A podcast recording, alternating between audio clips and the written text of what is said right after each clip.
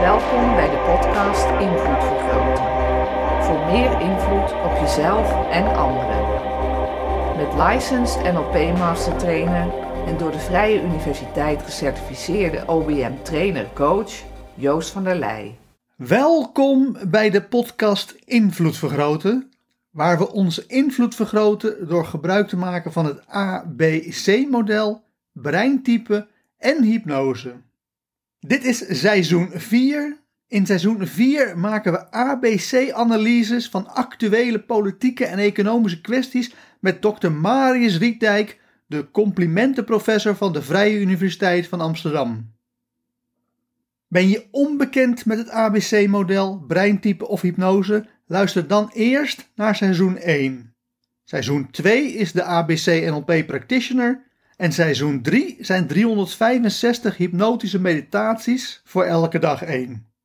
Wil je nog meer leren over hoe je je invloed kan vergroten? Kijk dan op www.invloedvergroten.nl. Hartelijk welkom, hartelijk welkom bij een nieuwe aflevering van Politieke Economie, waarin ik uh, samen met Dr. Marius Riekdijk, de complimentenprofessor van de Vrije Universiteit, het uh, nieuws, of althans een onderwerp in het nieuws, ga analyseren om het beter te begrijpen. Dat doen we aan de hand van het ABC-model, maar dat doen we dus wel samen met Marius. Dus laten we Marius tevoorschijn toveren. Daar is hij. Hey. Hallo. Hartelijk welkom. Ja, Goedemiddag op deze mooie middag. Goedemiddag deze middag. Hoewel het wel uh, qua weer wel beter kan worden. We gaan weer niet over klimaat hebben. We gaan het hebben over waarom laat het CDA uh, Hugo de Jonge toch niet vallen? Hoe is het mogelijk dat hij in godsnaam in het nieuwe kabinet is gekomen en dat hij nu nog steeds uh, ja, beschermd wordt? ik heb geen idee. dus, dus ja, de voorgaande keren had ik allemaal wel ideeën. In dit geval uh, kom ik niet heel erg ver. Maar Marius, misschien om te beginnen, kun jij kort het ABC-model uitleggen, zodat mensen die het voor het eerst zien of voor het eerst uh, horen, dat die beter snappen waarom het ABC-model zo'n goed verklaringsmodel is voor mensen hun gedrag. Ja, graag Joost. ik leg het graag uit. ABC-model is het basismodel van wetenschap van gedragsanalyse. Het is een natuurwetenschap van gedrag. Exacte wetenschap, meetbaar gedrag, meetbaar verbeteren van gedrag. ABC is een, uh, een analysemodel om gedrag te snappen. Uh, en B staat dan voor behavior, voor gedrag in het ABC-model. En A staat voor B. Dus dat, zijn, dat noemen we antecedenten, dat zijn prikkels die aan het gedrag voorafgaan. Dus we kijken, we verklaren gedrag door de prikkels rondom het gedrag te bepalen. En de C in het ABC-model staat voor consequenties van gedrag. Dus we doen ook vaak dingen omdat die in het verleden positieve consequenties hebben gehad. Eigenlijk alles wat we doen, doen we omdat dat in het verleden beloond is. En dat ja. uh, kan het ABC-model heel goed uh, verklaren en uh, ook in kaart brengen. Precies. En als het gestraft wordt of negatieve consequenties heeft, dan gaan we er minder van doen. Vandaar mijn, dat het zo'n groot mysterie voor mij is waarom het CDA de hand boven het hoofd van Hugo de Jonge blijft houden. Want ik kan geen positieve consequenties voor het CDA zien. En het enige wat ik heb kunnen bedenken, maar dat zal wel heel erg uh, ver gezocht zijn, is dat Hugo de Jonge uh, geheime informatie heeft over het CDA. En het CDA gewoon chanteert en zegt: jongens, als jullie mij laten vallen, dan zorg ik dat de hele partij onderuit gaat. Maar goed, dat is puur speculatie van mijn kant. Maar voor de rest kon ik echt helemaal niets, maar ook helemaal niets verzinnen waarom ze Hugo de Jonge nog steeds, nou ja, doen alsof het een goede minister is. En nu vraag je aan mij of ik daar wel. Ja, jij, jij bent daar hier de professor ja. in. Dus ja, jij uh, dient hier ja, even haar fijn uit te moeten leggen. Het blijft een beetje speculeren, omdat ik niet uh, uh, tot de inner circle behoor. Althans, daar ja. mag ik niks over vertellen. maar ik kan me bijvoorbeeld voorstellen dat, dat Rutte hem de, de hemel in heeft geprezen over zijn vorige optredens. Mm -hmm. omdat hij toch behoorlijk de, de kastanjes uit het vuur heeft gehaald voor, voor Mark.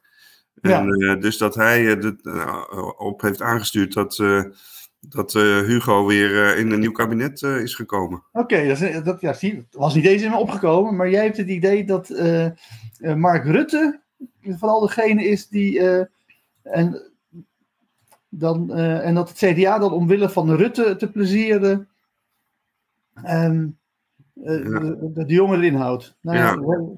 Ja. en ik denk ook dat, eh, dat ze hem eh, geen gezichtsverlies willen laten leiden. Dus als ze hem eh, niet meer terug hadden laten komen in het kabinet, Mhm. dan eh, hadden ze eigenlijk toegegeven dat hij het slecht gedaan zou hebben. En Ja. dat doen ze op deze manier. zeggen ze eigenlijk van, nou, je hebt het eigenlijk goed gedaan, jongen. En je, mag, je mag nu een ander hoofdpijndossier gaan oplossen, namelijk de woningbouw. Ja, ik ga eventjes eerst dus. dus ik heb hier als gewenst gedrag. Maar dat is misschien meer gewenst vanuit mijn perspectief, vanuit het CDA. Om eh, Hugo de Jonge te laten vallen. En, en jij zegt, ja, dan is eh, Hugo de Jonge laten vallen. Dat geeft een negatieve consequenties voor het CDA. Omdat Rutte dan boos wordt. Ja, dat zou in onderhandelingen op een nieuw kabinet ook uitonderhandeld kunnen zijn. Dat eh, de VVD heeft gezegd, of ja, bij het verdelen van de portefeuilles, hè, dat is slim beleid, slim onderhandelen. Zeggen van ja, wat is een moeilijk dossier? Nou, dat is woningbouw. Laten we dat aan het eh, CDA overlaten. En eh, doen alsof het eh, een fantastische dossier is waar veel eer mee te behalen valt. En ik denk ook dat Hugo de Jonge ja, toch zichzelf ook graag wel op tv ziet. En, Ja. en ook wel zich mee bemoeit. Dus die zal dan snel happen daarop. Dus je denkt ook nog eens een keer dat het een soort valstrik van de VVD is geweest. Om het CDA A een moeilijk dossier in de maag te splitsen. En B eh, dan vervolgens een, eh, ja, een eh, minder capabele minister daarop te krijgen. Zodat Maar ik denk dat het slim onderhandelen is geweest. Dus of het, of het gemeen is, weet ik niet. Het is, het is wel slim, denk ik, om het op die manier te doen. Net als dat Lubbers, Lubbers in de tijd Kok als minister van Financiën heeft aangesteld. En om de PvdA in ieder geval te laten, hard te laten werken aan gezonde financiën. Ja, en dat het kok eh, zijn ideologische veren moest laten gaan en eh, Ja. moest gaan bezuinigen. En Ja, het kwartje van Kok moest gaan introduceren. Maar hoe kunnen we dit eh, vertalen naar het CDA? Hè? Dus dat als het VVD heeft slim onderhandeld, maar ja. ja, waarom gaat het CDA daarin mee? Nou, ze staan natuurlijk in de peilingen heel slecht. Ja, Dus ze hebben een zwakkere onderhandelingspositie. Althans, eh, als je dat op het eerste oog eh, bekijkt. Kijk, als je een goede onderhandelaar, die weet juist ook uit zwaktes juist een goede, eh, toch de sterkte te halen.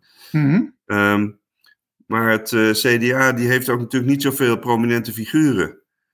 Ook de huidige minister van Buitenlandse Zaken heeft het natuurlijk ook vrij zwaar.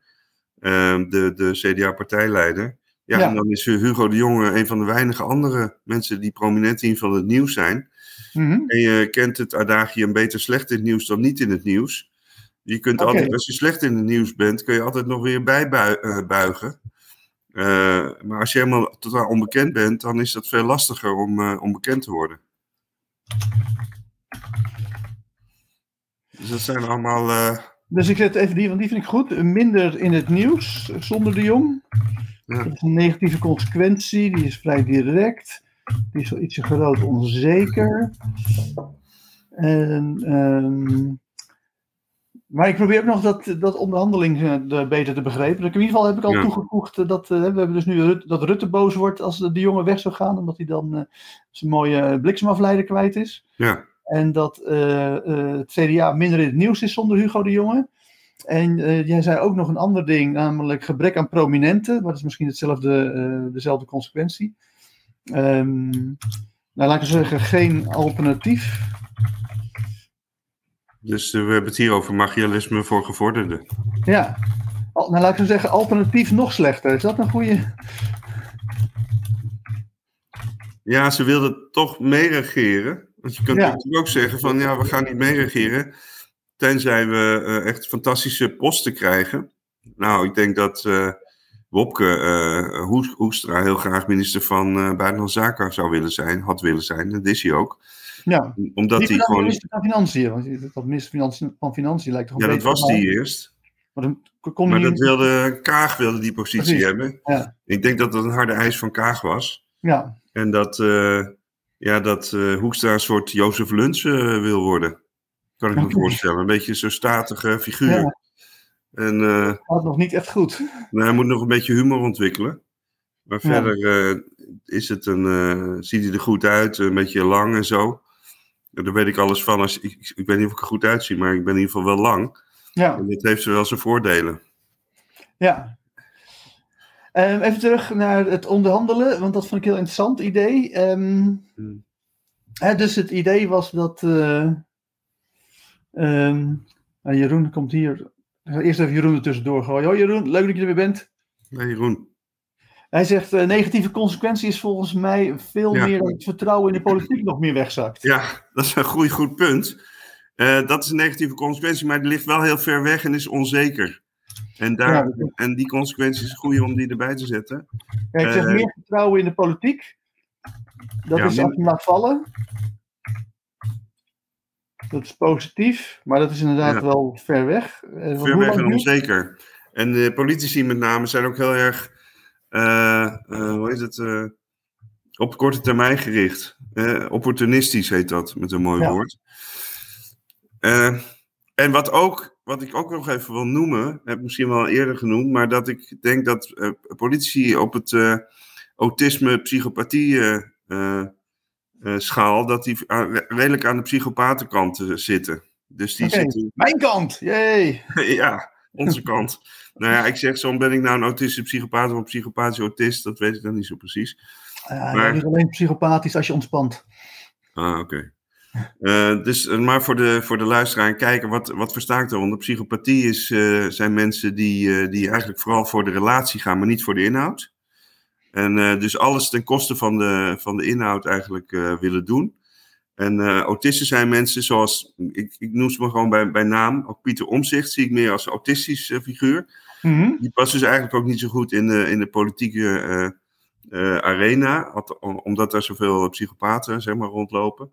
Maar hij, die, is dus, die zijn vooral ge- gericht op de inhoud. En die Ja. zijn gewoon minder gevoelig voor persoonlijke relaties en politieke spelletjes. Daar hebben ze helemaal geen zin in. Ja, En dat, nee, ik heb een iets ander model. Hè. Ik heb, bij mijn model is het Ja. zo dat je zeg maar, een soort vier basis. eh, eh, nou ja, hoor, het, eh, in, in het brein ingebakken eh, gedraging hebt. En dat is. en, is dat, en het zijn twee assen. Namelijk tussen exploreren en exploiteren. En de psychopathische kant is wel bezig met exploiteren. Absoluut. En Ja. die, eh, die willen gewoon, ja, gewoon zoveel mogelijk binnenhalen. Ja. En eh, de mensen die eh, vooral voor de inhoud gaan, die zijn vooral aan het exploreren. ja, dat vind ik prima. Dezelfde dimensie als die ik eigenlijk Ja. heb. Ja. En de andere dimensie is tussen sociale stabiliteit en autonomie. En de meeste mensen gaan namelijk voor de, voor de grote groep. En die willen gewoon met de groep meedoen. Ja. En, en daarna heb je dan nog even af en toe van die eh, ja, autonome dwarsliggers. Die denken van ja, het is allemaal leuk met zo'n groep. Maar ja, ik wil eventjes iets anders er- erin gooien.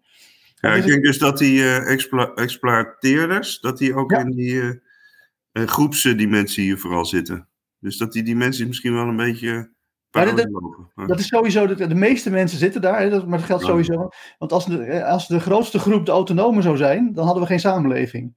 Want die mensen kunnen gewoon heel slecht met groepen samenwerken. Dus de, de overgrote meerderheid zit in die sociale stabiliteitsgroep. Maar als het alleen maar sociale stabiliteit zou zijn, dan zou het allemaal eh, inslapen en zou het allemaal stagneren. Dus je hebt ook creatieve impulsen nodig van autonome individuen. ja, Maar dat is wel een minderheid, dus dat ben ik het mee eens. Ja. En dan heb je inderdaad, en dat is in jouw geval, eh, als ik jou, eh, jouw eh, geheimen mag verklappen, dan ben jij iemand die veel voor sociale stabiliteit gaat, van groepen Ja. mensen houdt, van connecties houdt. Ja. En vooral op het moment dat je gaat exploiteren, dat ontspant en dat helemaal de geneuzel op de inhoud, dat levert meer stress op. ja. Terwijl de kans groot is dat bijvoorbeeld voor Pieter Onzicht meer iemand is die eh, zo'n autonome creatief figuur is, die Ja. zich afzet tegen de groep en tegelijkertijd voor de inhoud gaat aan de exploratiekant. Ja, absoluut. Ja. En daarin onderscheidt ze zich inderdaad van andere politici. En, en de kiezers, die, die gaan ook wel vaak voor de inhoud. Die willen natuurlijk ook niet allemaal die achterkamertjes politiek hebben. Ja. Dus dat botst ook best wel vaak tussen de kiezer en de persoonlijkheden en de, en de politici zelf. Yvonne zegt nog de negen. Daarmee bedoelt ze mijn breintype theorie van het neurogram. eh, De bemiddelaar. Ik zal inderdaad verklappen dat eh, volgens mij, ik weet niet of Marius het mee eens is, maar heeft Marius een type 9 bemiddelaarsbrein. En, eh, Ja, en die, namen, die namen zijn misleidend hoor. Dat wil niet zeggen dat je bemiddelt. Dat betekent alleen dat je eh, liever harmonie hebt dan ellende. Ja, je hebt zo'n leuk liedje, I'm Every Woman. En ik, uh, ik uh, pretendeer dat ik I'm every man uh, ben, dat ik van alles wel wat in me heb. Ja, precies. En misschien ben ik daardoor ook juist een bemiddelaar. Nou ja, er is letterlijk binnen mijn theorie ja. maar één type die denkt dat hij van alles wat heeft. En dat is toevallig de type 9 bemiddelaar. Dat staat ook letterlijk in mijn boek. Dan klopt het. Het maakt je wel heel geschikt, zegt Jeroen, voor uh, systeem 5. Dat is de eindbaas. Dus als we in een organisatie, dan moeten we jou gewoon in de raad van commissarissen zetten. Ja. En uh, in de regering, dan uh, moet je daar gewoon als, wat het, als minister of minister-president zitten. Ja. Yvonne heeft ook een type 9 brein, dus zij kan goed met jou relateren. En terug naar het CDA.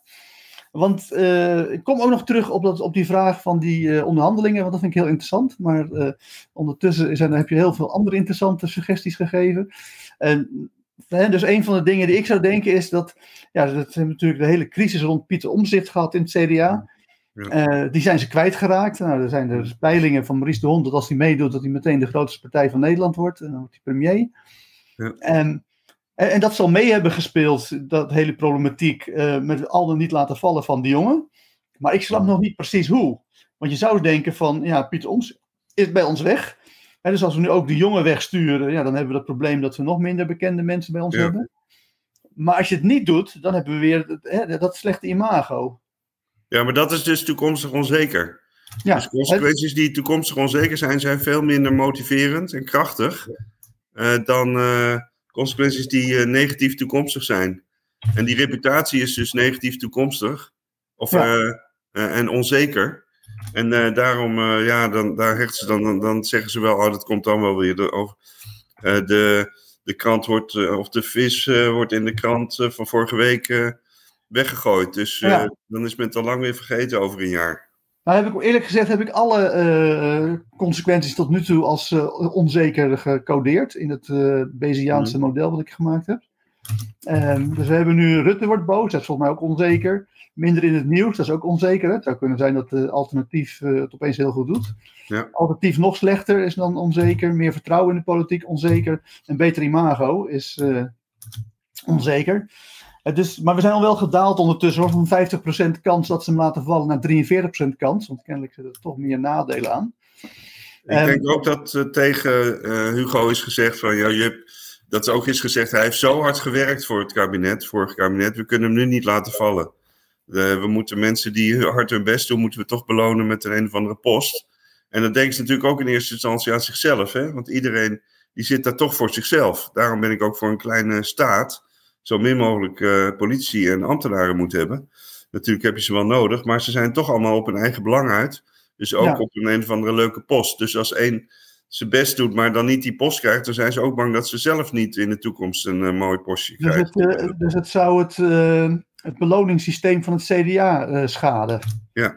Dat vind ik een hele goeie. Dus als hem laten vallen, dat ehm schaadt eh, de baantjesmachine. Ja. De olie. Moet goed geolied blijven. Ja. Eh, dat zou wel, zijn al wel vrij directe eh, dingen die spelen natuurlijk. En direct bedoel ik dan binnen een jaar. Ja. Niet, binnen, niet binnen 60 seconden. Nee. Ehm, maar eh, ja, dat is een groot punt. Er zijn er ondertussen. eh, Ron is ook gekomen. Leuk Ron dat je erbij bent. Oh, leuk dat Eh, Ron er ook is. Ja. Hugo de Jonge ligt volgens mij goed bij de CDA-achterban. Is dat ook nog een eh, punt? Dat, eh, dat gewoon de leden, dat, gewoon, dat het misschien wel eh, impopulair is eh, ehm, bij, bij, bij, de, bij de kiezers, maar dat de leden zelf wel heel fijn vinden als die erbij blijft. Ja, dat is mooi, de wisdom of the crowd. Dat inderdaad al die vele eh, luisteraars en kijkers ook weer informatie hebben die, eh, die wij niet eh, mogelijk hebben. Ja. Ik wist dat niet, maar als dat zo is, dan is dat zeker een argument voor het CDA om hem... Ja, hè, dus pijn bij de leden als die gaat. Dat is een negatieve consequentie van hem laten vallen. Dat zou wel direct zijn. Het zal een beetje erg zijn. Ja, het gaat ondertussen al flink naar beneden. Van, van 50 naar 28 gedaald. Het wordt steeds begrijpelijker waarom eh, maar het, het CDA eh, hem de hand boven het hoofd eh, blijft houden. Avix Twini is er ondertussen ook leuk. Avix Twini dat je bent. Die zegt dat belonen is precies het probleem. Ja, dat eh, denk ik dat heel veel mensen vinden. Eh, zeker bij de Forum voor Democratie aanhang eh, die eh, tegen het eh, Ja. partijkartel is. Ja, dat is Eh, mooi. Dat die, eh, die, die willen ook niet van, eh, echt bij het partijkartel horen, dat soort partijen. Maar uiteindelijk eh, willen ze toch alle aandacht en macht hebben. En dan worden ze uiteindelijk toch eh, zelf de dominante coalitie. Dus ja, dat is altijd toch een beetje hypocriet, vind ik eigenlijk. Ja, nee, zeker. Want dan gaan ze waarschijnlijk weer belonen. Hè? Dus kijk het, eh, Ja. kijk, het belonen is op zich niet het probleem. Het belonen van ongewenst gedrag is het probleem. Hè? En- we zien Ja. natuurlijk bij de politiek dat ze heel vaak in onze ogen ongewenst gedragen. Ja. Maar, en, en, dat- dat- en nu ook in mijn ogen denk ik, nou, het CDA gedraagt zich heel ongewenst. Hmm. En daar krijgen ze ook straf voor, hè, want dat kost ze aan alle kanten zetels. Ja. En, maar blijven ze toch volharden. Dus kennelijk is het zo dat voor het CDA daar toch nog ehm, meer positieve consequenties aan zitten dan negatieve consequenties. En de kunst is dan om je te verplaatsen in het ander. Want jij en ik kunnen wel ongewenst gedrag vinden. Maar we moeten redeneren vanuit het CDA in dit geval, bij deze topic van vandaag. Ja. En dan bedenken, oké, hoe zit dat vanuit het CDA eh, geredeneerd? Ja, dat is natuurlijk ook goed om altijd de leergeschiedenis van iemand of van een partij in dit geval te analyseren. Dus hoe is de beloningsgeschiedenis in het verleden gegaan? En in het verleden hebben ze, hebben ze heel veel verdiend, zeg maar. eh, Beloond zijn ze geworden van eh, regeringsdeelname. Ja, Dus ze hebben heel veel aandacht gekregen. En je kent het fenomeen extinction burst, daar hebben we het wel eens eerder over gehad. Dus als je naarmate je steeds minder aanhang krijgt. In een van de boeken van de CDA staat dat ze ieder jaar minimaal één zetel verliezen door gewoon door sterfte van hun kiezers. ja, Ja, dan, dan krijg je natuurlijk ook soms irrationele beslissingen ook. Hè? Dus die extinction beurs kan ook bij het CDA op, optreden. ja. Dus het, eh, dat is ook een goed punt. Ik moet eventjes zeggen dat eh Avex Twinny is gewoon Mitchell. Eh, dag Mitchell. dat is leuk dat je er bent. Ehm, blijf komen met al die dingen. Ehm, eh, ja, dat is natuurlijk altijd bij het CDA is natuurlijk een machtspartij geweest. Hè? De Ja. mensen gingen niet vanwege hun principes bij het CDA. eh, maar die gingen daar gewoon naartoe omdat ze dan een, ja, de macht konden krijgen. Ehm, speelt dat mee dat als ze hem laten vallen, het een beetje hetzelfde dat- dat we dat belonen, dat die dat baantjesysteem eh, pijn doen, maar dat het dan, ja, dat het CDA dan nog minder een machtspartij lijkt? Dat is misschien ook Ja, dat is denk ik een factor. En je zegt ze hebben geen principes. Ja, ik denk wel dat ze die tien geboden, die zijn op zich denk ik wel belangrijk. Ook dat zien we in de politiek, hè, dat er steeds meer gelogen wordt. En, eh, en misschien missen we in die zin ook wel een soort partij als de CDA dan die eh, op de tien geboden focust. Ik ben zelf ook best wel daarop gericht. Niet zozeer uit christelijke achtergrond, maar vanuit meer yoga-filosofie. Maar er is heel veel eh, godsdiensten die hebben die tien geboden als basis. En ik denk dat CDA dat toch ook wel als basis wil eh, nemen. Alleen dan is vaak een dilemma tussen niet liegen en geweld gebruiken. ja, ik heb niet het gevoel dat Hugo de Jonge zich heel aan de tien geboden houdt. Nee, maar hij wil niemand kwetsen misschien. Of, eh, dat zie je vaak bij politici, dat ze eh, Milton, Miltoniaanse taalgebruik eh, gebruiken, waar iedereen alle kanten mee uit kan. Ja. Omdat er zover, zoveel verbale communities eh, zijn met verschillende talen en, en, en jargon. Dus ja, dan, dan willen ze het eigenlijk bijna, wordt het bijna religieus taalgebruik waar je alle kanten mee op kan. Ja, ik noem ze wel een soort astrologie-taalgebruik. Ja, Ehm, maar ik heb wel het idee dat de, voor de, hoe het geld, eh, voor, voor dat soort christelijke waarden en normen, dat je dan natuurlijk bij de eh, ChristenUnie eh, of de SGP Ja. eh, veel beter af bent. ja. En ja, dat, ja, dat, ja, wellicht trap ik nu allerlei CDA's op de tenen, maar ik heb dan niet het idee dat als ik christelijke waarden zou vertegenwoordigd willen zien, dat ik dan op het CDA zou moeten stemmen. Dan zou ik toch meer ChristenUnie eh, denken. ja, ze moeten zich natuurlijk aanpassen aan de maatschappij waar toch een enorme secularisatie eh, Ja. plaatsvindt. Ik geloof dat 90% van alle kerken in de provincie Utrecht de komende paar jaar eh, verkocht worden. Oké. Dus dat is toch heel dramatisch al- allemaal. En ook al, al die eh, katholieke schandalen die steeds maar weer in het nieuws komen. Ja, Dat is natuurlijk heel slecht voor het christendom. ondertussen is de waarschijnlijkheid dat ze Hugo de Jonge laten vallen wel eh, naar 21,5% gedaald van 50%. Dus het wordt steeds begrijpelijker waarom CDA zich gedraagt zoals ze gedragen. Yvonne heeft nog een consequentie. En een negatieve consequentie voor het aanhouden waarschijnlijk van Hugo de Jonge is dat het voer voor complet, complotdenkers is en viruswaanzindenkers. Uh, Dus als je hem laat vallen, dan, hebben we, dan is ja, dat is een positieve consequentie van laten vallen. Minder uh, samensweringsideeën. Ja. Ik zag vandaag op Twitter dat iemand had gezegd: hij, is blijven, hij mag blijven omdat hij lid is van de World Economic Forum. Oh ja. Ja. ja, je mag met allerlei. Uh, komt natuurlijk, het is natuurlijk wel een interessante baan. Je komt met iedereen kent en je kunt uh, daardoor. Uh, kom je door deuren die voor anderen gesloten blijven. En je kan met iedereen die je bewondert. allerlei bekende Nederlanders kom je makkelijk mee in contact. Ja. Nou, wat ik nog wel heb bedacht is dat. Nou, Hugo, Hugo, kijk. Ze hebben nu gisteren geprobeerd om alle kanten duidelijk te maken dat het geen CDA uh, gaat de staatskas uh, roven plan was. Het Siewert van der Linden mondkapjesdeal. dat is gewoon puur toeval dat er alleen maar CDA'ers aan die deal meegewerkt hadden en alleen maar CDA'ers het gepromoot hadden. Um, maar, als je, hè, maar laten, we, laten we eens uitgaan van de meest negatieve beschrijving wat er gebeurd is. Dan was het CDA had een hand in de staatskas gedaan uh, via Siewert van der Linden. En daar hadden ze Hugo de Jonge voor om het uh, uh, allemaal te faciliteren. Hmm. En nu hebben ze hem op woningbouw gezet. Maar als het erg, ja, in mijn, misschien mijn, ik, ik zeg het wel vaker tijdens deze uitzending, dat mijn brein erg cynisch is. Ja, als filosoof word je opgeleid tot cynicus, daar kan ik ook niks aan doen maar ik denk van ja, als je dan zo'n. Zo, stel dat het een corrupt figuur is.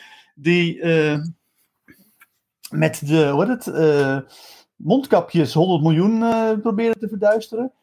Ja, dan is het. Als je hem vervolgens bij de woningbouw gewoon neerzet. dan is dat echt helemaal. Het is de meest corrupte sector van die er is ongeveer. Fox, Fox Nederland staat wel heel goed bekend hè, om een gering omkoopindex, zeg maar. Ja. Maar, maar de, de woningbouw, uh, dat is toch wel, uh, staat er wel slecht op inderdaad. Dus, ja. Ja. ja. Maar dit zou ook, ja, ik weet niet hoe, hoe het uh, intern gegaan is, maar ik kan me zo maar voorstellen dat Siewert van der Linden had gezegd, joh, en maak je geen druk, ik, ik maak daarna wel een miljoen over als donatie. Ja, dat zou kunnen. In ieder geval zal die, zal die Hugo de Jong in de toekomst vast wel willen steunen met het een of het ander. Dat is ja. niet altijd heel duidelijk traceerbaar. Maar het, zo werkt de, ja, de onbekende, of de, de bankrekening, hoe heet dat, die onbekende uh, bankrekening. Dus je hebt altijd uh, dat je met elkaar kijkt wie, uh, wie heeft mij wat gegeven. En ik ben die dan persoonlijk ook wat verschuldigd. Dat, dat werkt gewoon op menselijk gedrag ook heel sterk zo. Ja. Nou, ik heb hem als een hele zwakke negatieve consequentie dat de CDA hem laat vallen geen corruptie op woningbouw heeft, heb ik hem toegevoegd. Ik zal, er zijn nog heel veel verhalen. Dus ik, laat ze komen, alle opmerkingen. Super tof dat jullie zoveel opmerkingen zetten. Die komen allemaal aan de beurt. Um, we zijn bij de opmerking van Ron. Die zegt uh, laten vallen zou uitstralen op het hele kabinet. Mogelijk wilde VVD en D66 daarom ook niet. Ja, ik zou zeer eerder denken dat het andersom was. Dat het CDA gezegd heeft, joh, als jullie Hugo de Jonge laten vallen, dan stappen we eruit en dan klapt het kabinet. Ja, ja, Mari zegt een iets andere mening, want ik denk dat uh, Rutte uh, Hugo de Jonge gebruikt als bliksemafleider. Uh, ja. Wat denk je, Marius? Zou, zou het CDA het machtswoord gebruikt hebben om hem erin te houden? Of ik, ik denk, ja, het is, het is wel gebruikelijk in de politiek. Ik heb natuurlijk een beetje, draai ik ook mee in de plaatselijke politiek hier. Uh, is dat, dat het aan de partijen zelf wordt overgelaten wie ze uiteindelijk naar voren schuiven. Mm -hmm. Dus eigenlijk is het niet uh, de bedoeling. Uh, maar ja, ik, ik zei net dat Rutte misschien daar toch een invloed op heeft gehad. Uh, dat, maar het is in, in, eerste instantie wordt gekeken wie krijgt welke portefeuille. En dan gaan de partijen daar iemand bij zoeken. Maar ik denk dat Rutte zich wel met dat soort zaken bemoeit. Ik kan het natuurlijk niet bewijzen. Ja. Maar dat is wel echt iemand die ook een teamspeler is en gewoon dan ook meedenkt met, met elkaar. Ehm, ik zet erbij druk uh, op het kabinet. Als het uh, kabinet, als het uh, CDA hem had laten vallen. Dat is dan een negatieve consequentie. Die is vrij direct, niet zo groot en onzeker. We hebben nog maar 16% over wat de kans is.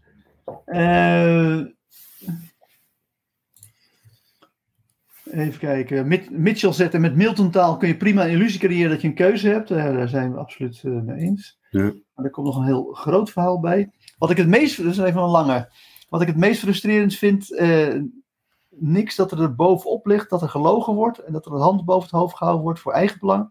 En dat we morgen gewoon weer verder gaan, hetzelfde doen en doen alsof het allemaal voor het eerst is.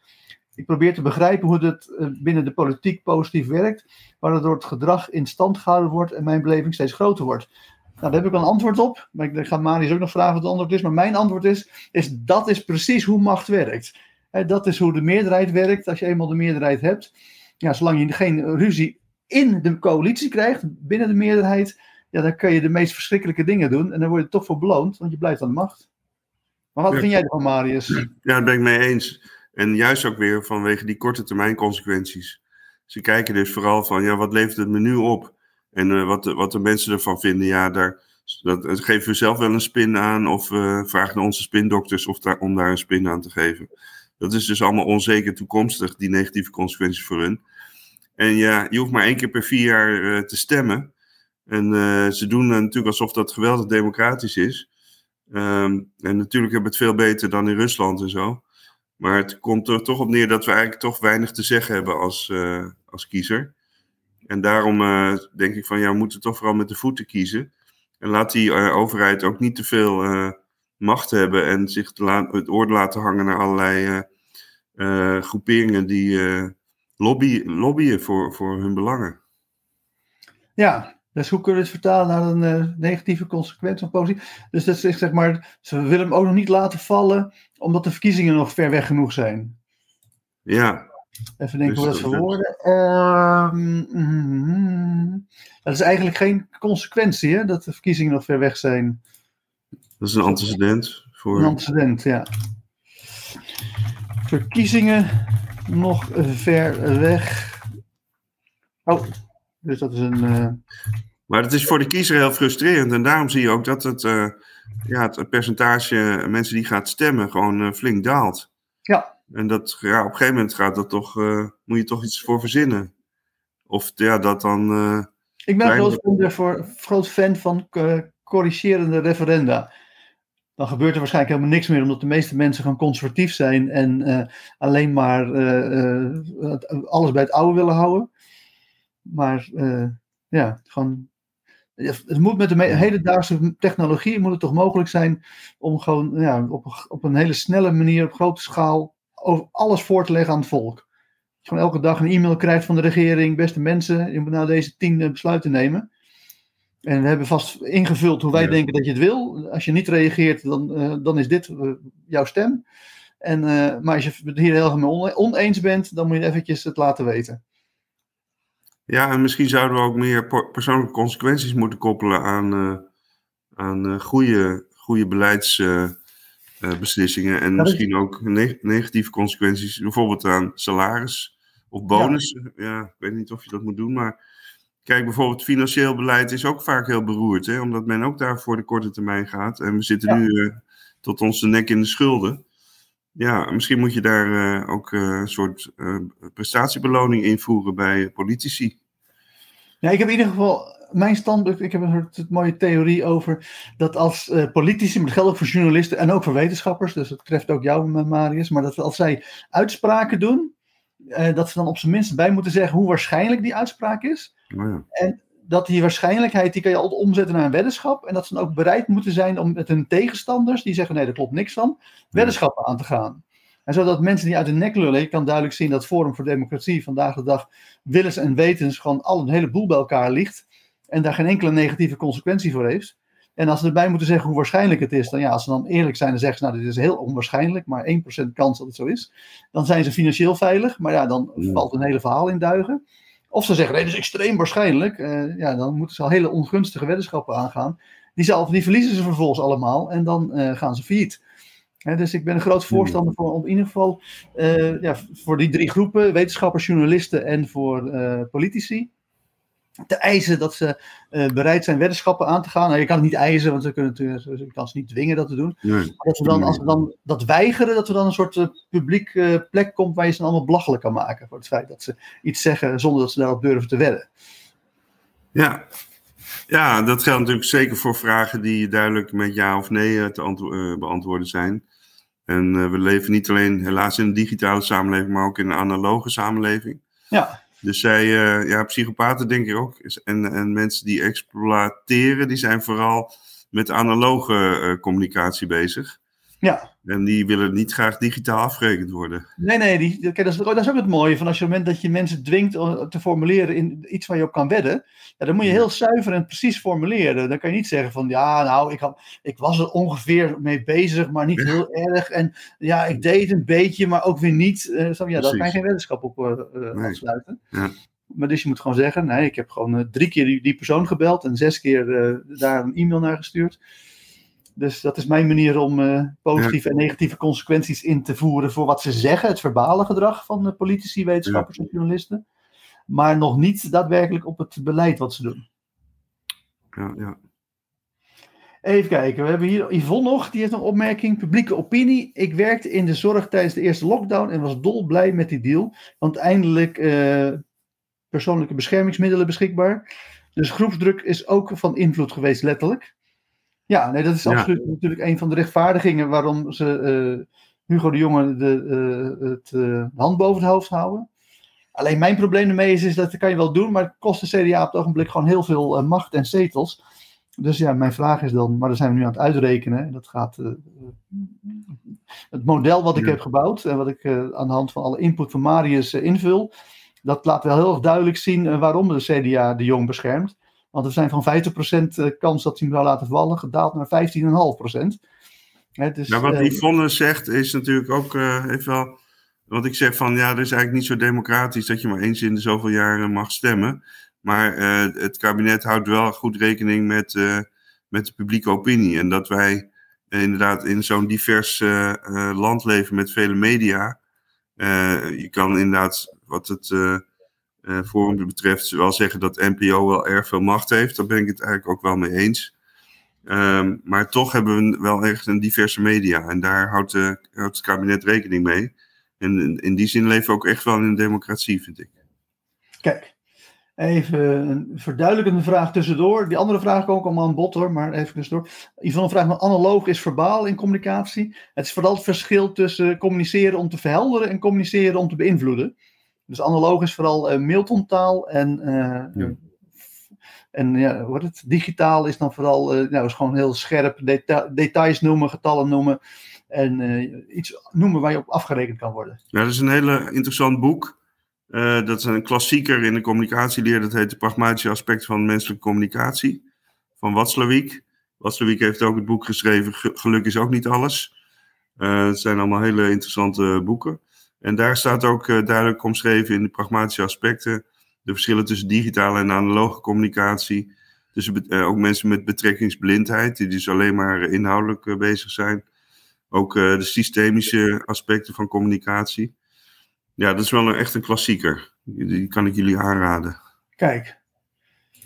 Mitchell zegt nog: Wat je van Hugo ziet, heeft niets te maken met een nieuwe bestuurscultuur en stimuleert alleen het foute gedrag. Ja. Ehm, ja, dat, bestuur, daar wordt er veel over gesproken over een nieuwe bestuurscultuur. Um, en daar is de gedragsanalyse ook een hele mooie aanvulling, omdat uh, je cultuur kun je niet veranderen. Je kunt alleen gedrag veranderen. Ja. En als je dat dus cultuur concretiseert naar gedrag, en dat doen we nu uh, met Hugo de Jonge als uh, voorbeeld, dan kun je stapje voor stapje de cultuur veranderen. Maar cultuur is, is groepsgedrag. Terwijl in cultuur theorieën wordt allerlei hele religieuze verklaringen voor cultuur gegeven, als dat het iets interns is in je hoofd. Uh, maar dat, uh, ja, het is ook wel taal. En taal zit ook deels in je hoofd, maar ook gewoon uh, in je verbale en, en, textuele gedrag. Ja. Nee, dus en het. Ja, dus de, nog de moeilijkheid die ik heb is, is dat, dat, Ik denk dat die nieuwe bestuurscultuur, dat is een leuke marketingterm. Ik denk niet dat, ja. dat, dat die, die bestuurscultuur, ja, die doet uiteindelijk ook gewoon wat, wat beloond wordt. En aangezien de beloningsschema's niet veranderd zijn, uh, blijven ze hetzelfde gedrag vertonen. Dus in die zin verandert er weinig. Ik zal even, uh, hier sta, even laten zien een, uh, een, een, cartoon van Peter van Straten. In mijn proefschrift staat dat. Er staat niet de cultuur moet veranderd worden, maar er staat hier de mentaliteit moet veranderd worden. Verder ja. laten we alles bij het oude. Precies. En dat kan je precies ook toepassen op het woord cultuur. De cultuur moet veranderen, maar verder laten we alles bij het oude. Ja. Maar dus het, aan, het aanblijven van de jongen, dat is inderdaad, in mijn ogen ook, stimuleert het wel eh, het eh, foute gedrag, het ongewenste gedrag. Ehm, en dat zou natuurlijk wel een positieve consequentie zijn van hem wel laten vallen. Is dat eh, gedragsverandering bij ministers volgt.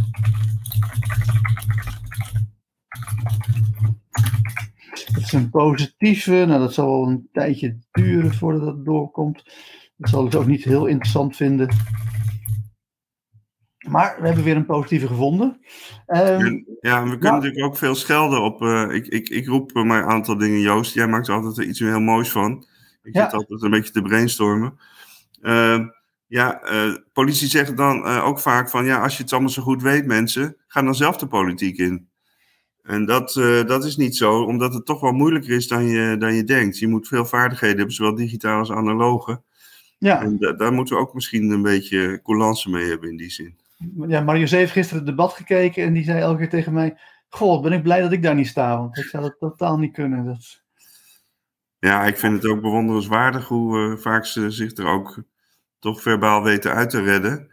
Ja, En eh, ja, wat, wat is waar? Dat is dan toch eh, lastig.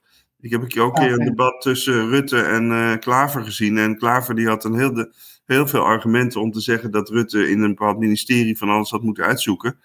En Rutte antwoordde na twintig minuten, nee dat klopt niet. En toen was het debat gewoon klaar, weet je. ja, Dus debatteertrucs, die zijn er ook wel. En ik vind Mark Rutte fantastisch doen. Het is ook mijn politieke leider.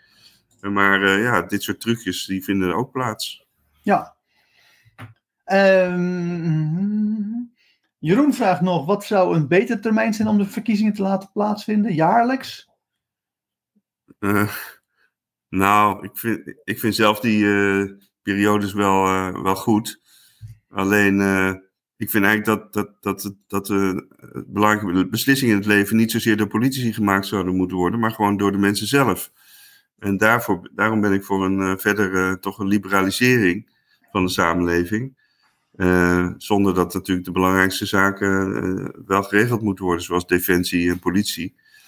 Maar ja, ook sociale zekerheid, denk ik dat we toch veel meer ook eh, grootouders en kleinkinderen en ouders bij elkaar zouden eventueel moeten kunnen wonen.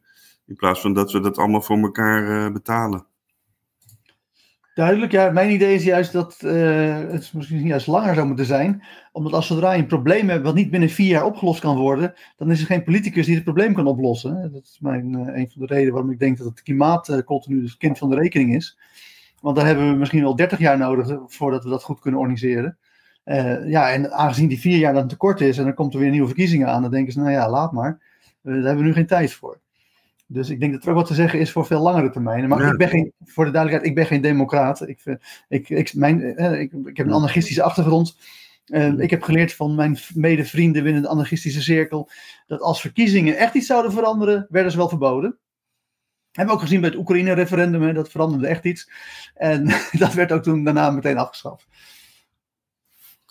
Mitchell heeft nog een. Ja. eh, Ja, het is eigenlijk een beetje zoals in een bedrijf. Hè. Je zou, zou je niet ook een land als een bedrijf kunnen organiseren?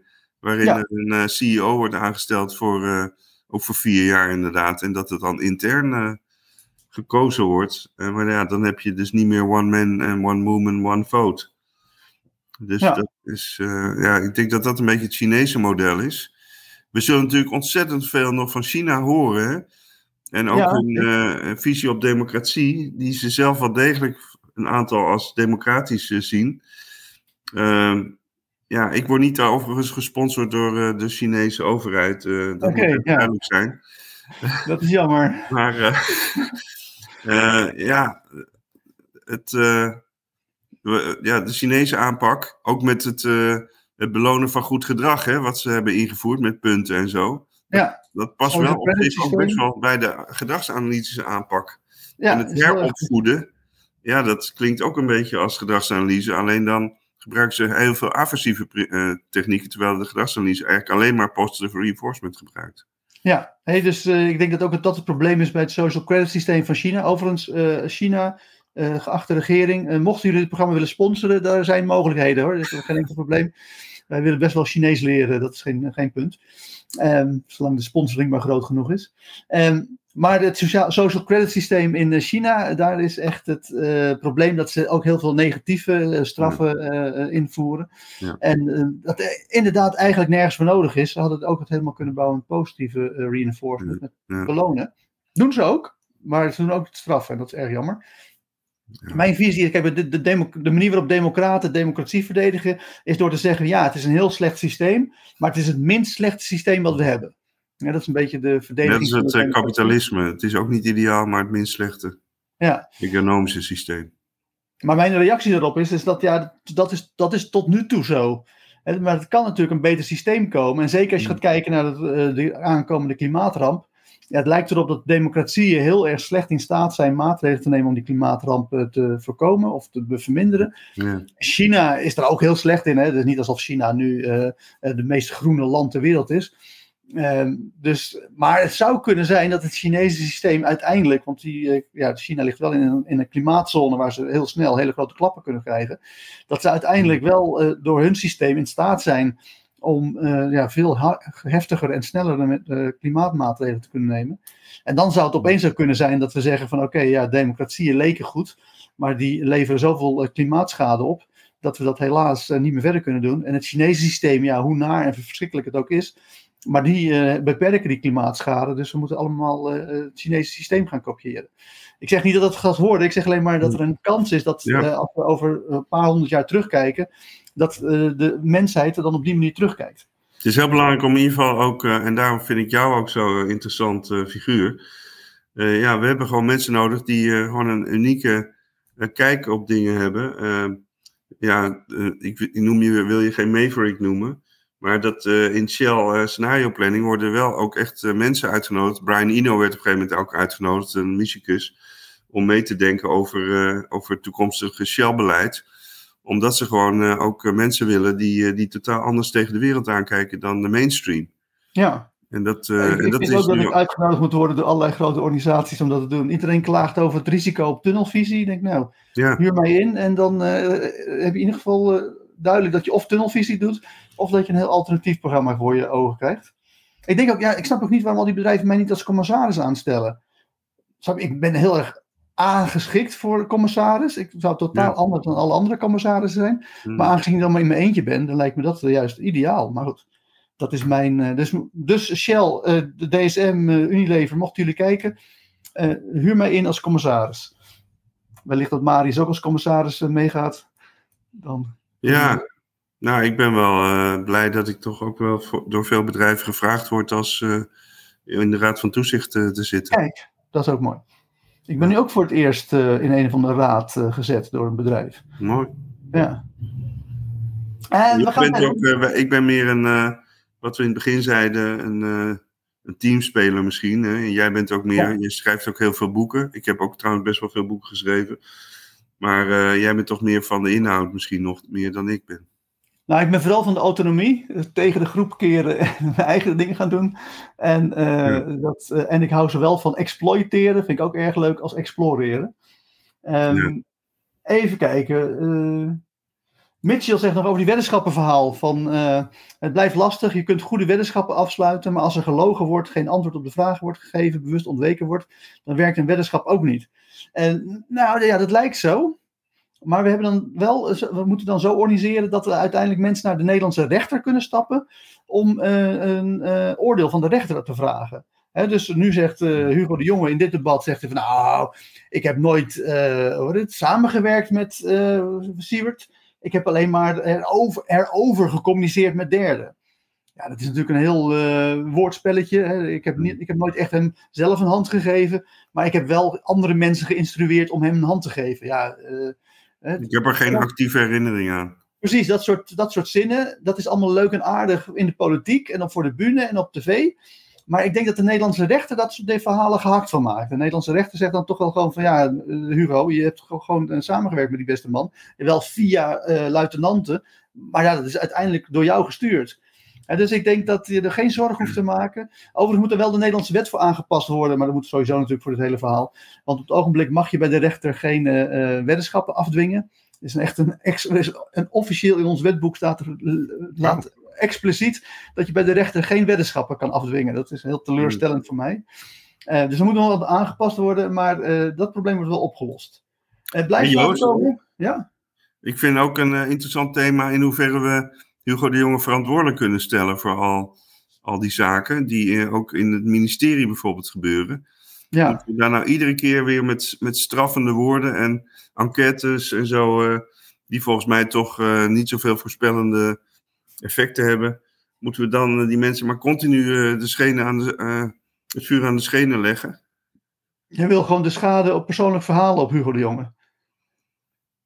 Ja, maar in hoeverre zijn mensen überhaupt verantwoordelijk hè, voor hun gedrag? Nou ja, ja, op die manier, ja. Dat, dat, maar dat is de vraag of er een vrije wil is of niet. Nou, ik denk dat we het allebei eens zijn dat er geen vrije wil is. Ja.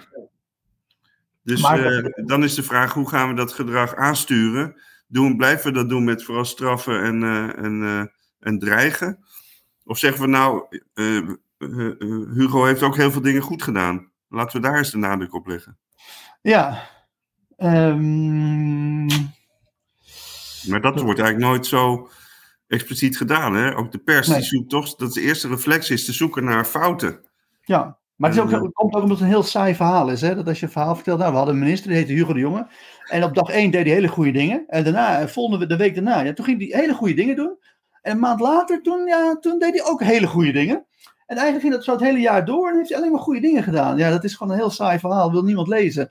En dus als hij, uh, stel dat het zo is, maar doet in dat, in dat jaar één keer iets fout, ja, dan is het nieuws dat hij dat één keer wat fout gedaan heeft.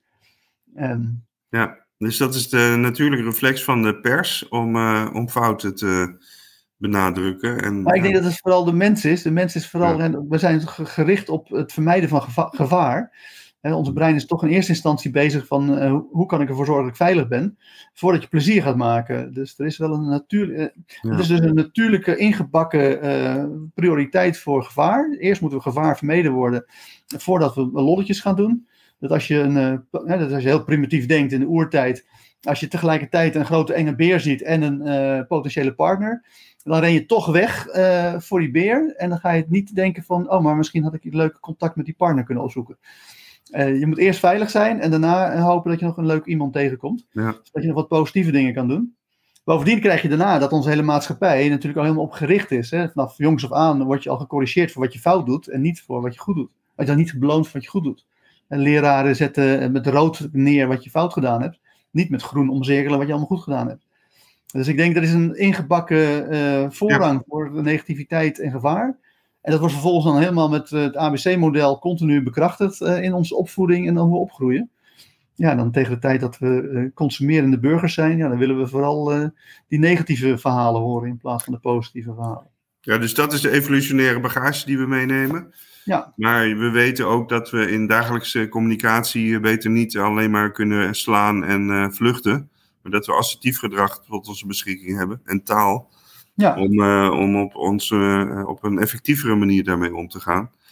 En, uh, en dus ook de, is dan positive reinforcement vaak toch een betere, effectieve manier dan, dan elkaar steeds maar alleen maar kritiek te geven. Ja, nee zeker. Maar, ja, maar ik denk dat als je een krant begint met, hè, voor mij hebben ze ook wel geprobeerd een goed nieuwsjournaal en dat soort dingen. Hmm. Maar ze alleen maar goed nieuws vertellen, ja, daar kijkt gewoon niemand naar, het leest niemand. Dus, dus je krijgt dan geen positieve consequenties voor het brengen van goed nieuws. En dan zegt het ABC-model dat dat ook weer, weer uitsterft. Maar er zijn er altijd een paar van die uitschieters, zoals religieuze leiders, die dan liefde prediken. Ja. Maar dan toch mensen ook als uh, honing uh, uh, ja. tot zich nemen. Zeker. Hè? Dus als je bijvoorbeeld kijkt naar Bachwan, dat vind ik heel interessant, Osho. die heeft enorme aanhang gehad. En die heeft die mensen weten te overtuigen om hun hele vermogen, hun huis te verkopen, ja. alles wat ze hebben aan hem te geven. Nou, dat ja. is zo'n onwaarschijnlijk gedrag. Ja, hoe krijg je dat voor elkaar? En dat heeft me altijd bezig gehouden. En oh, ik, ik, als je naar Osho kijkt, dan zie je dat hij goed met hypnose is. Maar op een gegeven moment viel me iets op en dacht ik, wat eventjes, ho, wacht even. Als er gaan, ja, hypnose is een antecedent in de meeste gevallen en geen consequentie.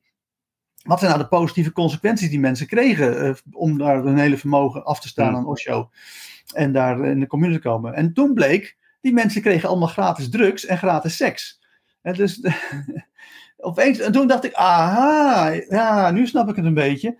Ja, waarom worden mensen lid van uh, zo'n Bachman-cultus? Ja, omdat ze gewoon uh, dan, uh, je, je gaat erheen als een keer om een keer te kijken of het iets voor je is. En je ontdekt van, hé, hey, op deze manier krijg ik drugs. Nou, dat is een directe materiële beloning. En ik krijg seks. Nou, dat is ook een directe materiële beloning. Dus je brein denkt, ja, waarom zou ik in godsnaam mijn hele leven voor een baas werken? Als ik hier gewoon allemaal geld aan deze man kan geven. En dan gewoon de hele dag alle drugs en alle seks uh, kan krijgen die ik wil. En veel persoonlijke aandacht. Dat is ook wat die mensen vaak aandacht, missen. Ja. En uh, seks, ja, dat weet ik niet. Vooral Bachman zelf had veel seks. Dus je moet dan zorgen dat je de secteleider wordt. Ja, en... nee, nee, nee, er werd ook erg gestimuleerd dat je onderling uh, heel veel seks had. En dat was ook heel vrij in de zin dat zeg maar alle mogelijke combinaties van man en vrouwen werd, werd toegejuicht. En ze hadden ook allerlei uh, wat het, meditatievormen, ja, meditatie tussen aanhalingstekensvormen, waarbij ze dan eerst heel erg boos moesten worden op elkaar en uh, moesten gillen en schreeuwen. En daarna moesten ze dan allemaal hun kleren uittrekken en allemaal met elkaar gaan vrijen. Ja. dus de, ja, de seks lag er wel huishoog dicht bovenop. Een soort tantra, tantra-rituelen. Ja, precies, dat soort dingen. Maar we gaan terug naar het CDA, waar ik gok dat de, het gehalte van de seks als positieve consequentie aanzienlijk lager is. Uh, we hebben nog wel een rondende opmerking. Gelukkig hebben we vrijheid van meningsuiting en die mening mag ook onzin zijn. Uh, ja. Ja, dat mag. Uh, maar de vraag is, geldt het ook voor politici, journalisten en wetenschappers? Ehm, nou, voor wetenschappers, die moeten hun, hun bijvoorbeeld mijn proefschrift, ja, dat moet wel, ik moet wel heel veel citeren. Mensen die een soort gelijke ideeën hadden als ik, of in ieder geval ook experimenten hebben gedaan die mijn uh, thesis uh, ondersteunden. Dus als, ja. ik dan, als ik dat niet goed had gedaan, dan was ik niet ook gepromoveerd. Dan moesten zes hoogleraren moesten mij het, het fiat geven, anders was ik er niet doorgekomen. Ja, dus voor wetenschappers die onzin, wiens mening onzin is, ja, dat zijn gewoon geen wetenschappers.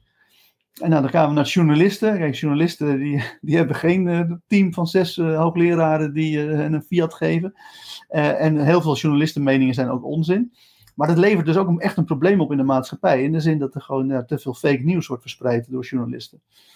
En dan tenslotte politici. Ja, ook nog politici, die mogen natuurlijk helemaal. die zijn zeg nog extra beschermd in hun mening. Want alles wat ze zeggen in de Tweede Kamer. daar kunnen ze sowieso niet voor vervolgd worden. En, en, dat betekent dat en hun vrijheid nog veel groter is, ook als het totale onzin is, zoals op het ogenblik bij Forum voor Democratie. En, maar de vraag is of dat een gewenste situatie is. Het is nu absoluut zo, maar de vraag is of dat gewenst is en of er toch niet een soort uh, corrigerend iets zou moeten zijn voor, nou ja, wetenschappers hebben dat, maar ook voor journalisten en voor politici.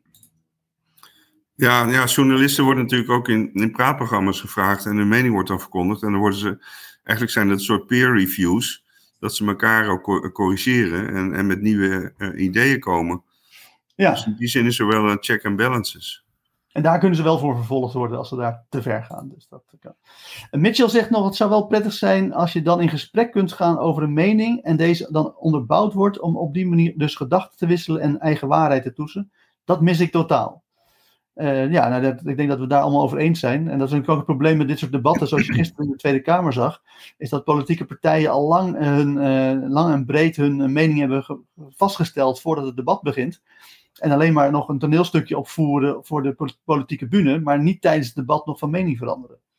We zien wel een, echt een democratiseringsproces die al in de 20e eeuw is ingezet. Met bijvoorbeeld allerlei uh, toen was alleen klassieke muziek, hoorde je tot de elite. Later kon iedereen een bandje beginnen met de nieuwste uh, instrumenten enzovoort. En nu met uh, synthesizers en zo. En je ziet dat nu bij meningen. Ja, die kun je natuurlijk met social media worden al die meningen uh, geuit. En die worden uitgeselecteerd. Hè. Het is een soort evolutieproces van ideeën wat plaatsvindt. En ja. wat vanuit de bodem van de maatschappij opborrelt. Dus dat is een enorme democratiseringsslag. Ja, maar het gaat niet, je komt niet per se dichter bij dingen die waarschijnlijker kloppen. dat is, het, is wel, het wordt wel democratischer, maar uh, het wordt minder uh, dat, het, uh, dat de waarschijnlijkheid daalt in mijn ogen. Dat is mijn visie dat waarschijnlijk, ja. alle waarschijnlijkheid subjectief is. Dus ja, de mensen die in zo'n populistische beweging zitten, die zullen zeggen: ja, maar de Joost, dit is juist wel heel waarschijnlijk. Ja, daarom maar, is voor ons, Joost, is ook de gedragsanalyse een toetssteen om ook een wetenschappelijke toets te maken van wat, wat de meningen zijn. Mm -hmm. En, uh, en uh, de ABC-analyse en uh, ook hypnose is ook wel degelijk door Pavlov aanbevolen als een zeer wetenschappelijk toegepaste methode. Ja. En dus dan richten wij ons liever daarop en, en geven we hier vlogs en blogs over. dan dat we zomaar wat uit onze duim zuigen. Precies. Uh, desalniettemin uh, is onze populariteit uh, groeiende, maar nog steeds nog nergens in de buurt van al die populistische bewegingen. Ondanks dat het natuurlijk precies andersom zou moeten zijn. Dat ja, wij zouden duizenden, tienduizenden, honderdduizenden aanhangers achter ons aan hebben moeten rennen. Terwijl in plaats van ja, al die populistische bewegingen dan met de hoeveelheid mensen zitten waar wij mee zitten. Ja, maar wij willen natuurlijk vooral ook de waarheid vinden en, ja, en zuiver zijn. Ja, precies. Ja, maar zegt Jeroen, Jeroen zegt, en ben ik met hem eens, de waarheid bestaat geen zins. Ik heb een iets subtieler uh, punt. De waarheid bestaat alleen binnen de wiskunde en de formele logica, want daar kan je hem definiëren. Uh, dus mijn punt is dat er geen waarheid bestaat in de empirie, alleen maar waarschijnlijkheid. Maar wellicht uh, is dat een te subtiel punt. En, ja, waarheid heeft mij eigenlijk ook niet zo vaak geïnteresseerd. Het is meer hoe, ja, hoe zijn dingen, hoe, hoe beschrijf je dingen. Ik, ik, ben ook nog een keer een pragmatist. En dan niet in de zin dat dingen praktisch moeten zijn. Hoewel ik heel belangrijk vind dat dingen ook praktisch nut hebben. Maar pragmatisme is een uh, in Amerika ontstaande filosofische stroming. En die heeft als definitie dat ook andere waarden, behalve waarheid, belangrijk zijn. dus in mijn visie is het zo dat waarheid zelfs vrij onbelangrijk is. Dat waarschijnlijkheid heel belangrijk is. Um, maar dat bijvoorbeeld esthetiek of iets esthetiek, als iets mooi eruit ziet, is ook belangrijk. Of, of iets praktisch nut heeft, is ook belangrijk. Um, ja. En werkt het ook? Pragmatisme is ook, kijkt ook van, werkt het? Is niet alleen filosofische discussies wat waar is, maar wat, ja, wat werkt. En, uh, en dat is ja, in, in de technologie die we gebruiken, werkt, werkt onze computer, uh, werkt de gedragsanalyse om gedrag te veranderen. Dat zijn gewoon meer praktische, pragmatische vragen die interessanter zijn.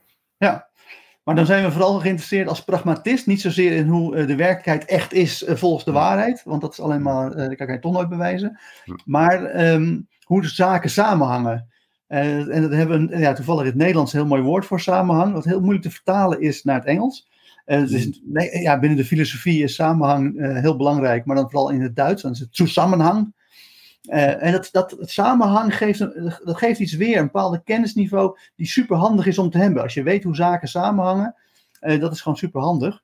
En ja, in het Engels wordt het vertaald met how things hang together. Maar dat is echt, dat klinkt heel erg suf. Of systeem, uh, een soort systeem geeft ook iets aan van samenhang. System. Ja.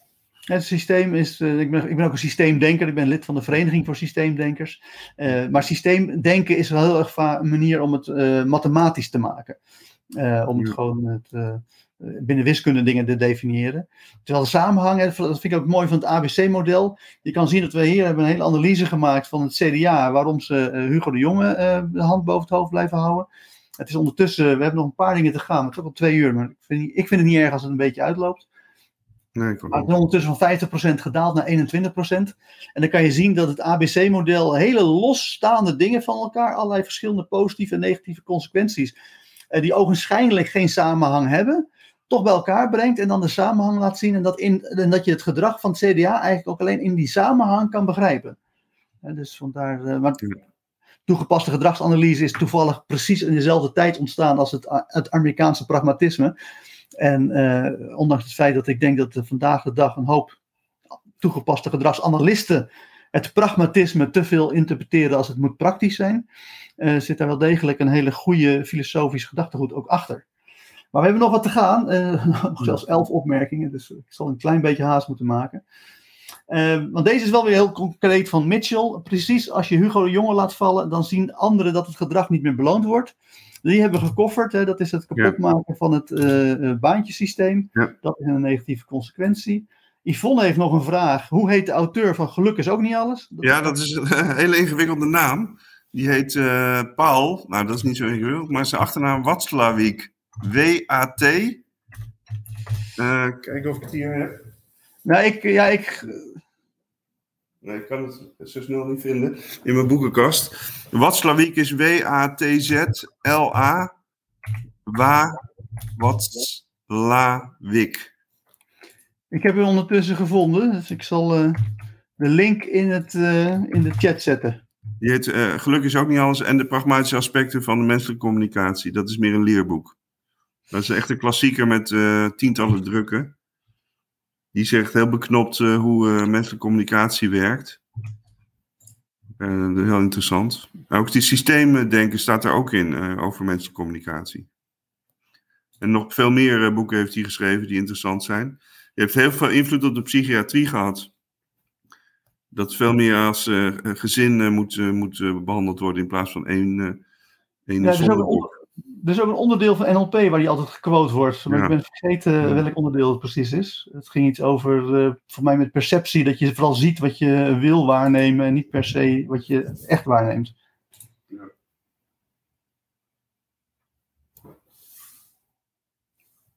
Maar ik heb de link in, het, uh, in de chat gezet, Marius. Oké.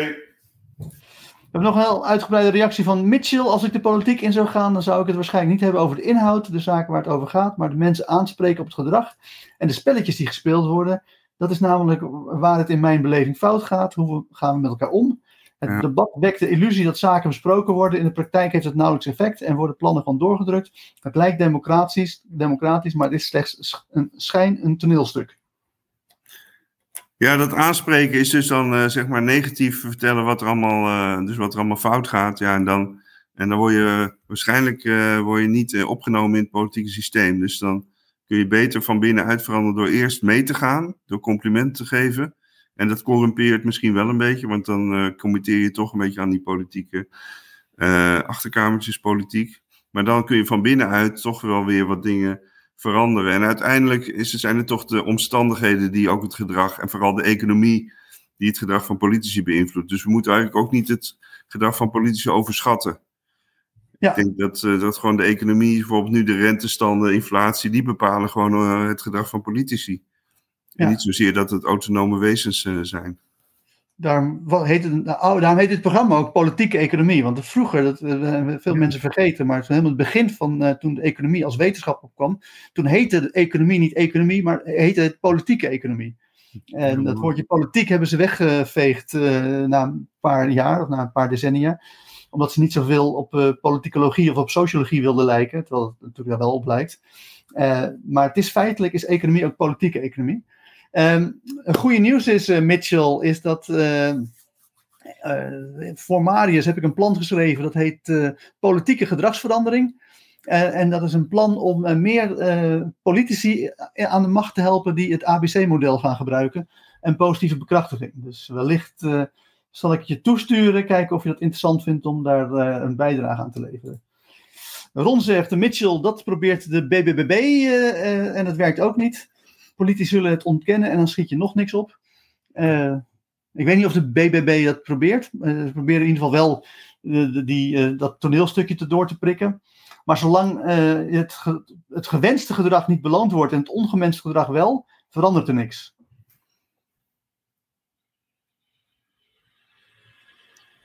Je moet ook niet onderschatten, bijvoorbeeld salarissen spelen ook best een grote rol. Als je in de Tweede Kamer werkt, dan krijg je echt ja, 120.000 euro. Als wethouder krijg je ook zoiets. Uh, Minister-president, nou ja, die mag in ieder geval niet boven de balken en de normen verdienen natuurlijk. Sukkelige balken.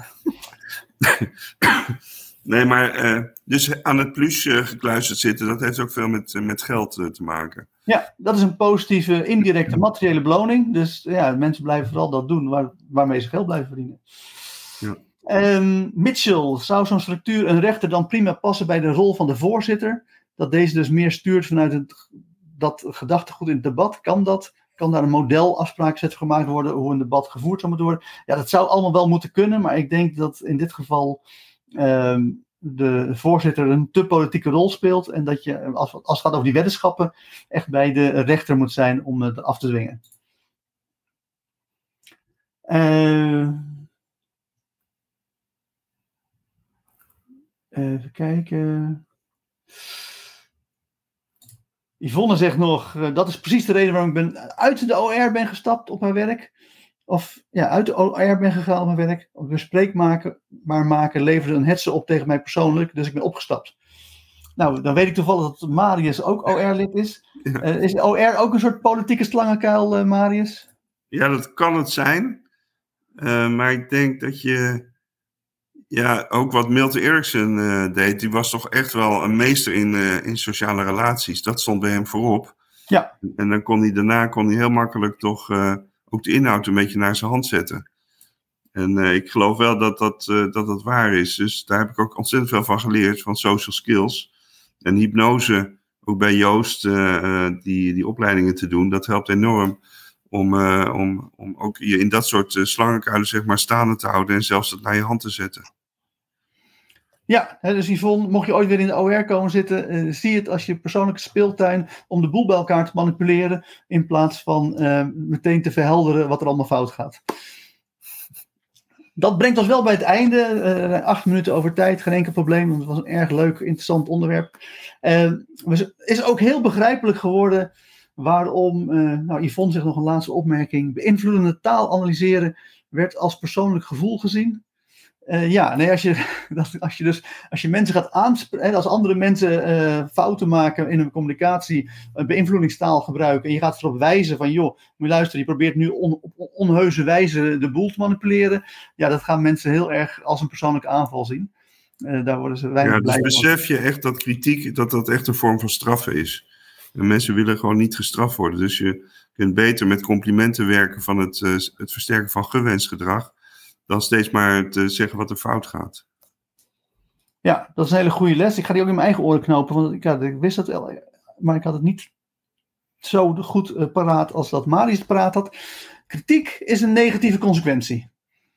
Uh, en hoort hij ook nog bij het laten vallen? Nee, dat zou een positieve consequentie blijven.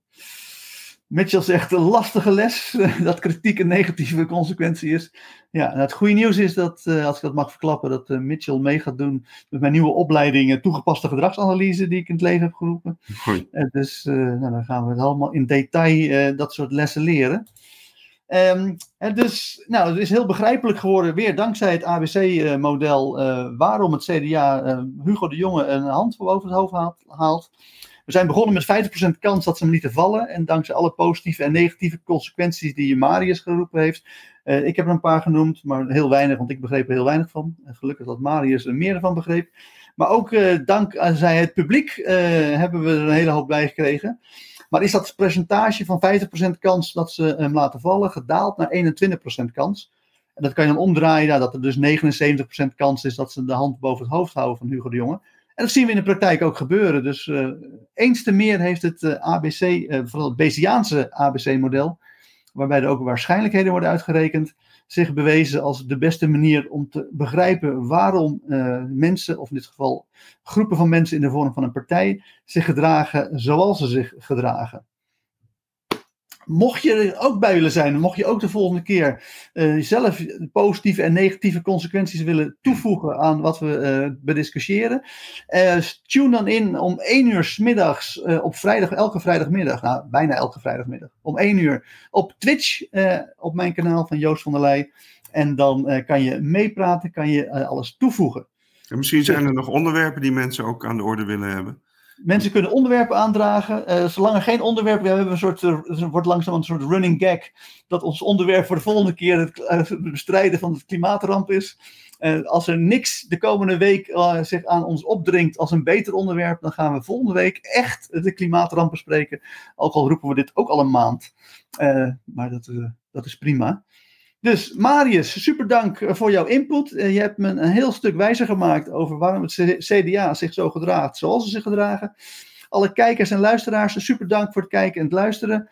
Mocht je dit heel leuk vinden, uh, klik dan op alle likes en uh, volg mij waar je kan.